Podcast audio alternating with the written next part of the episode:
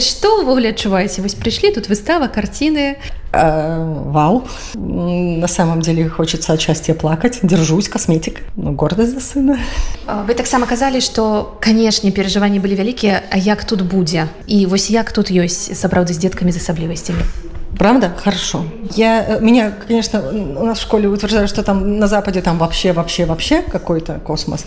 Но я не знаю, для меня космос здесь. Такое отношение и, в принципе, к людям с инвалидностью на улицах, в трамваях, э, по жизни спокойная, то есть э, не, не вызывает страха люди, такого, ну, особые люди. А школа вообще очень классная, очень хорошие специалисты, очень хороший подход, индивидуальный. Э, ну и Матвей меняется, меняется. А что это за школа? Заспол школ специальных – на улице Уланов, 25 в Кракове имени Людвига Ержего Керна. Это не государственная школа, она бесплатная, но она от фундации. Ну вот для детей с э, умеренной, тяжелой, глубокой умственной отсталостью и другими нарушениями. Ну, вот. И там по-польску он учится? Да, да, да. Вау. Ну он и так там мало говорит, но понимает он хорошо. То есть все вот эти инструкции, там рисуй, допасуй, поменяй. Э, Распавядзіце, калі ласка, як выглядае ваш дзень такі сярэднестатыстычны там у Кракове? Встаем, идем в школу, Матвей там учится, а я в этой школе работаю. Ассистент менеджер культуровой, как аниматор, как аниматор, как режиссер театра, как оформитель Потом мы приходим домой, обедаем, где-то отдыхаем или куда-то ходим, или дома занимаемся. Ну, много же занятий дома всегда у всех. И порисовать, и э, он еще вышивать любит, и игрушки мягкие из фетра шить. Но там уже надо помогать немножко, там с моторикой уже. Сегодня еще можно было даведацца, як шмат тут оказывается бацькоў, у якіх э, детки з асаблівасцямі развіцця, с разными диагнозами. Но на самом деле здесь эти дети более открыты. Они здесь везде. Ты едешь в горы, они там катаются на фуникулере, фуникулере со своими опекунами там, или родителями, не знаю. Э, мы едем там, для него постоянно проводят какие-то спортивные мероприятия, именно инклюзивные. У них здесь жизнь активная, поэтому здесь кажется, что их больше. Их здесь не больше, их здесь столько же. В процентном отношении их столько же, просто их не прячут. А в какую школу Матвей там у Беларуси ходил? А он ходил в Центр развивающего коррекционного обучения «Стимул». Просто другой подход. Это другой мир, это, ну, это, ну, это другое это просто другое. Ну, например, у нас, ну вот самое глав, главное отличие, это то, что с, с ребенком в стимуле уже не занимается психолог, логопед, потому что считается, что его основной учитель, вот основной учитель на классе, его помощь, то есть там два учителя работают, э, вот эту вот всю помощь оказывают. Здесь у Матвея в школе само собой занятие с учителем, классом, то есть четыре человека в классе, Плюс еще индивидуальные занятия постоянно, отдельно с логопедом, отдельно с психологом, отдельно э, там, с развивающим педагогом такой. То есть это уже третий. Гидротерапия. Постоянно приходят какие-то животные. Детей этих таскают вот просто везде. То спортивные соревнования, то мы едем на стадион, то мы едем картины смотреть. У нас очень активная жизнь. Очень активная. То есть эта школа, она такая вовне она даже больше направлена не на то, чтобы детей научить писать и считать, потому что Матвей там один из самых легких в нашей школе, а научить людей спокойно выходить в мир. То есть вот эта вот интеграция взаимодействия с миром. А як гэтыя дзеці потым уладкоўваюцца вось якія гісторыі магчыма вы ведаеце ці ідуць яны працаваць в нашем случае нет дети с такой умственной отсталостью уже к сожалению на весь мир на всю жизнь э, могут жить только с опекуном каким-то, ну, либо в специальном учреждении. Поэтому у меня сейчас цель продержаться как можно дольше и дать ему как можно больше.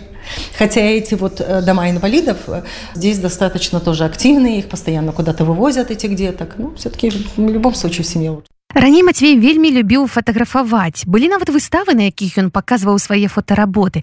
І вось за адну з іх атрымаў падарунак холст. І так хлопчык пачаў маляваць. Натхненне для сваіх сюжэтаў ён знаходзіць у інтэрнэце, шукае фотаздымкі, а потым іх перамалёўвае. Любімыя тэмы, коцікі і пейзажы. Малюе толькі фарбамі і ў незвычайнай тэхніцы. Самый вот большой секрет его работы, то, что они нарисованы пятнами. И близко кажется, что какая-то галиматья. А когда далеко отходишь, понимаешь, что какой-то образ есть. Ну, обратите внимание, вот он рисует такой мозаикой. мы ўсё жыцці чамусьці вучымся адно аднаго зразумела чаму можа Матвей навучыцца ад вас а чаму вы навучыліся ад яго за гэтыя гады рисовать не поверите я не рисовала до того как Матвей сейчас стала пробовать просто из интереса наверное позитивы еще Потому что он такой всем, всем друг, позитивный товарищ. У польскую сталіцу работы Мацвея прывезла Эльвіра каралёва. Гэта стваральніца інклюзіўнага арт-праекта я прыеду, адміністратарка тэлеграм-чатаў інклюзіўная Польшча і інклюзіўная Польшча аўтызм. У меня, как у куратора выставок, никогда нет отношения к художникам с инвалидностью в приоритете их инвалидность. То есть я так не рассматриваю художника. Для меня все равны. Именно вот равенство в инклюзии, оно и заключается в том, чтобы одинаково относиться к художникам. Есть у тебя инвалидность, нет у тебя инвалидности, есть диагноз, нету особенности. А, Матвей удивителен конечно, и своим диагнозом, и творчеством, но прежде всего я его выбрала э, для выставки, потому что у него удивительное творчество, у него очень хорошие работы, и сюжеты, и качество, поэтому он сегодня здесь. Падчас адкрыцця выставы Мацвея Вельгаса Эльвіра прапанавала гасцям імпрэзы намаляваць коцікаў, якіх так любіць юны мастак. Распавядала яна і пра свой праект я прыеду. На стале для малявання ляжалі паштоўкі з гісторыямі людзей, які якімі апеквалася Эльвира Королева. Все началось с Саши, молодой человек с инвалидностью, ему тогда был, было 32 года, и он мне написал в социальных сетях, «А вы не могли бы со мной погулять? Я думаю, а что значит погулять? Потом вижу у него аватарка, фотография, молодой человек в инвалидной коляске с инвалидностью.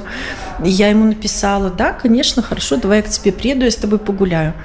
И я не почувствовала тогда никакой сложности и подвоха. Я думаю, ну, я приеду, и так э, красиво, благородно состоится наша прогулка. И, конечно, я фантазировала одно, когда я приехала к нему, это выглядело по-другому. А его мама одела, приготовила, и открываю дверь к ним в квартиру, и сидит Саша в инвалидной коляске, улыбается, ничего не говорит, потому что у него, оказывается, речь отсутствует, а он мне писал ртом. И я, конечно, этого не ожидала. И э, его мама вручает мне инвалидную коляску. Э, я не могу с Сашей общаться. Я не знаю, как это делать с человеком, который мне не отвечает и ничего не говорит. Я не могу въехать на инвалидной коляске в лифт. А, у него очень плохой, кстати, сколько лет прошло, но до сих пор пандус. Просто две деревянные дощечки. Я не могу спустить его с этого пандуса. Я боюсь, что ну, сейчас мы упадем. Я не могу открыть дверь в подъезде. Это очень сложно, эти пороги. А потом очень плохие дороги асфальт, вот как-то, ну, все не складывается. Просто катастрофа какая-то. И я тогда на себе почувствовала, что, ну, это очень сложно. Просто погулять с человеком с инвалидностью – это очень сложно. И я подумала, что как я могу решить проблему. Саша меня приглашал еще гулять, но, честно говоря, я не очень хотела, потому что это было физически сложно. Я выложила фотографию в интернет, и я подумала найти волонтеров. И вот с этого момента как-то и закрутился проект, потому что Саша оказался у меня не один, мне стали писать другие молодые люди с инвалидностью, о которых я не знала, и это открылась очень такая гигантская просто группа молодых людей, да, которые все чего-то хотели, кто погулять, кто пообщаться, кто в кино сходить, кто еще что-то. Они все были в таком физическом состоянии довольно тяжелом. Но я не могла с ними справляться. И я поняла, что что-то нужно делать. И вот так вот, наверное, этот вопрос, что делать, да, он и сквозит через э, весь мой проект, все эти э, дни и годы, потому что пытаешься найти какие-то решения вот этих сложных задач, которых очень много. Да, я его назвала так образно «Я приеду». Это я написала Саше как раз-таки ответ на его вопрос, ты ко мне приедешь погулять? Ну, да, приеду, хорошо. И вот как-то я подумала, что ну, не буду долго думать, назову, я приеду. И ребята мои, кто хотел бы потом чтобы с ними гуляли, тот же Саша, он придумал хэштег «Погуляй с Сашей». То есть они начали вот немножко так обыгрывать название. И я думаю, что еще этот проект из названия «Я приеду» очень заиграл новыми красками, когда я оказалась в Польше, а мои ребята в Беларуси. Я хотела запытаться да, про это. Я очень надеюсь, что это название такое, оно окажется пророческим и реальным, да, и я все-таки приеду в Беларусь, и мы будем делать тоже много хороших вещей для ребят, потому что дистанционно пока это очень сложно. И вы приедете, магчыма, не магчыма, а докладно с новым досвидом?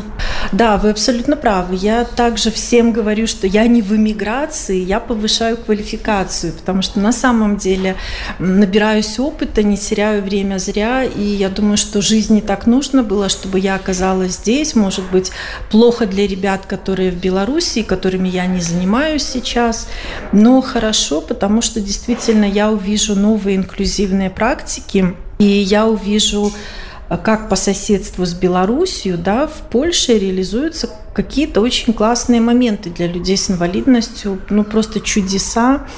Например, как занимаются рисованием педагоги здесь а, с детьми с особенностями зрения, слепыми детьми, да, вот такое некорректное слово, но переведу, чтобы очень хорошо понимали и представляли.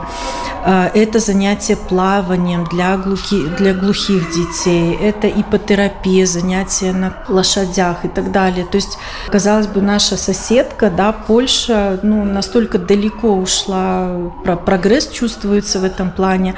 И фестивали проводятся инклюзивные, такие, которым я удивляюсь, э, как они предусматривают разные виды инвалидности. Например, в школе моих сыновей обычная школа, польская, вот без никаких либо особенностей. И я, когда прихожу на родительское собрание, я увидела а, туалет для детей с инвалидностью. Думаю, о, ничего себе, как здорово. А мне сын говорит, а что ты удивляешься? У нас в школе пять таких туалетов.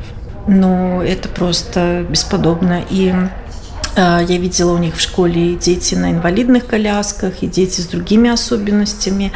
И это настолько классно все интегрировано апошняе у вас ёсць чат у тэлеграме як так разумею для бацькоў якія тут знаходзяцца ў Польшчы як вас знайсці як можно до яго долучиться да этот э, чат в телеграм он был создан просто внезапно я подумала что дай-ка я парочку этих людей с инвалидностью которые здесь находятся объединю мне казалось тогда их ну 15 человек максимум на следующий день в этом чате 68 сейчас нас 600 и это инклюзивная Польша, я думаю, что по названию вы сможете найти. И второй чат э, отпочковался уже, вырос. Э, второй – это инклюзивная Польша аутизм, потому что очень много ребят из Белоруссии с аутизмом, из Украины, и они решили, что вот нужно какое-то особое общение, они очень активны, поэтому вот отдельный чат. На самом деле можно чаты создавать по разным видам инвалидности, потому что их очень много, и есть потребность в общении, да, в обсуждении. И также я занимаюсь художниками профессиональными, это виртуальная галерея, арт Польска называется в Телеграм. Это пока все чаты в Телеграм, потому что это ничего не стоит. Ну, это просто вот ты можешь очень быстренько создать, и оно у тебя есть. То есть это не требует каких-то финансов, вложений, там чего-то такого, а это то, что ты можешь сделать. И, в принципе, наверное, вот у меня э, девиз такой всей жизни, да, и когда меня спрашивают, что, что можно сделать для людей с инвалидностью, то, в принципе, все, что ты можешь. Надо подумать хорошенько. И вот я могла чат создать, вот я его создала.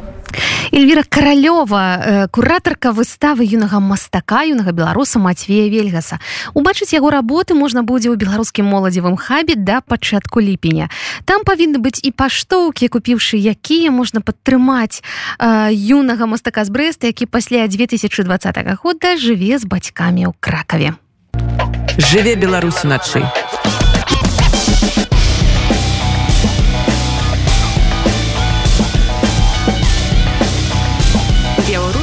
а noce.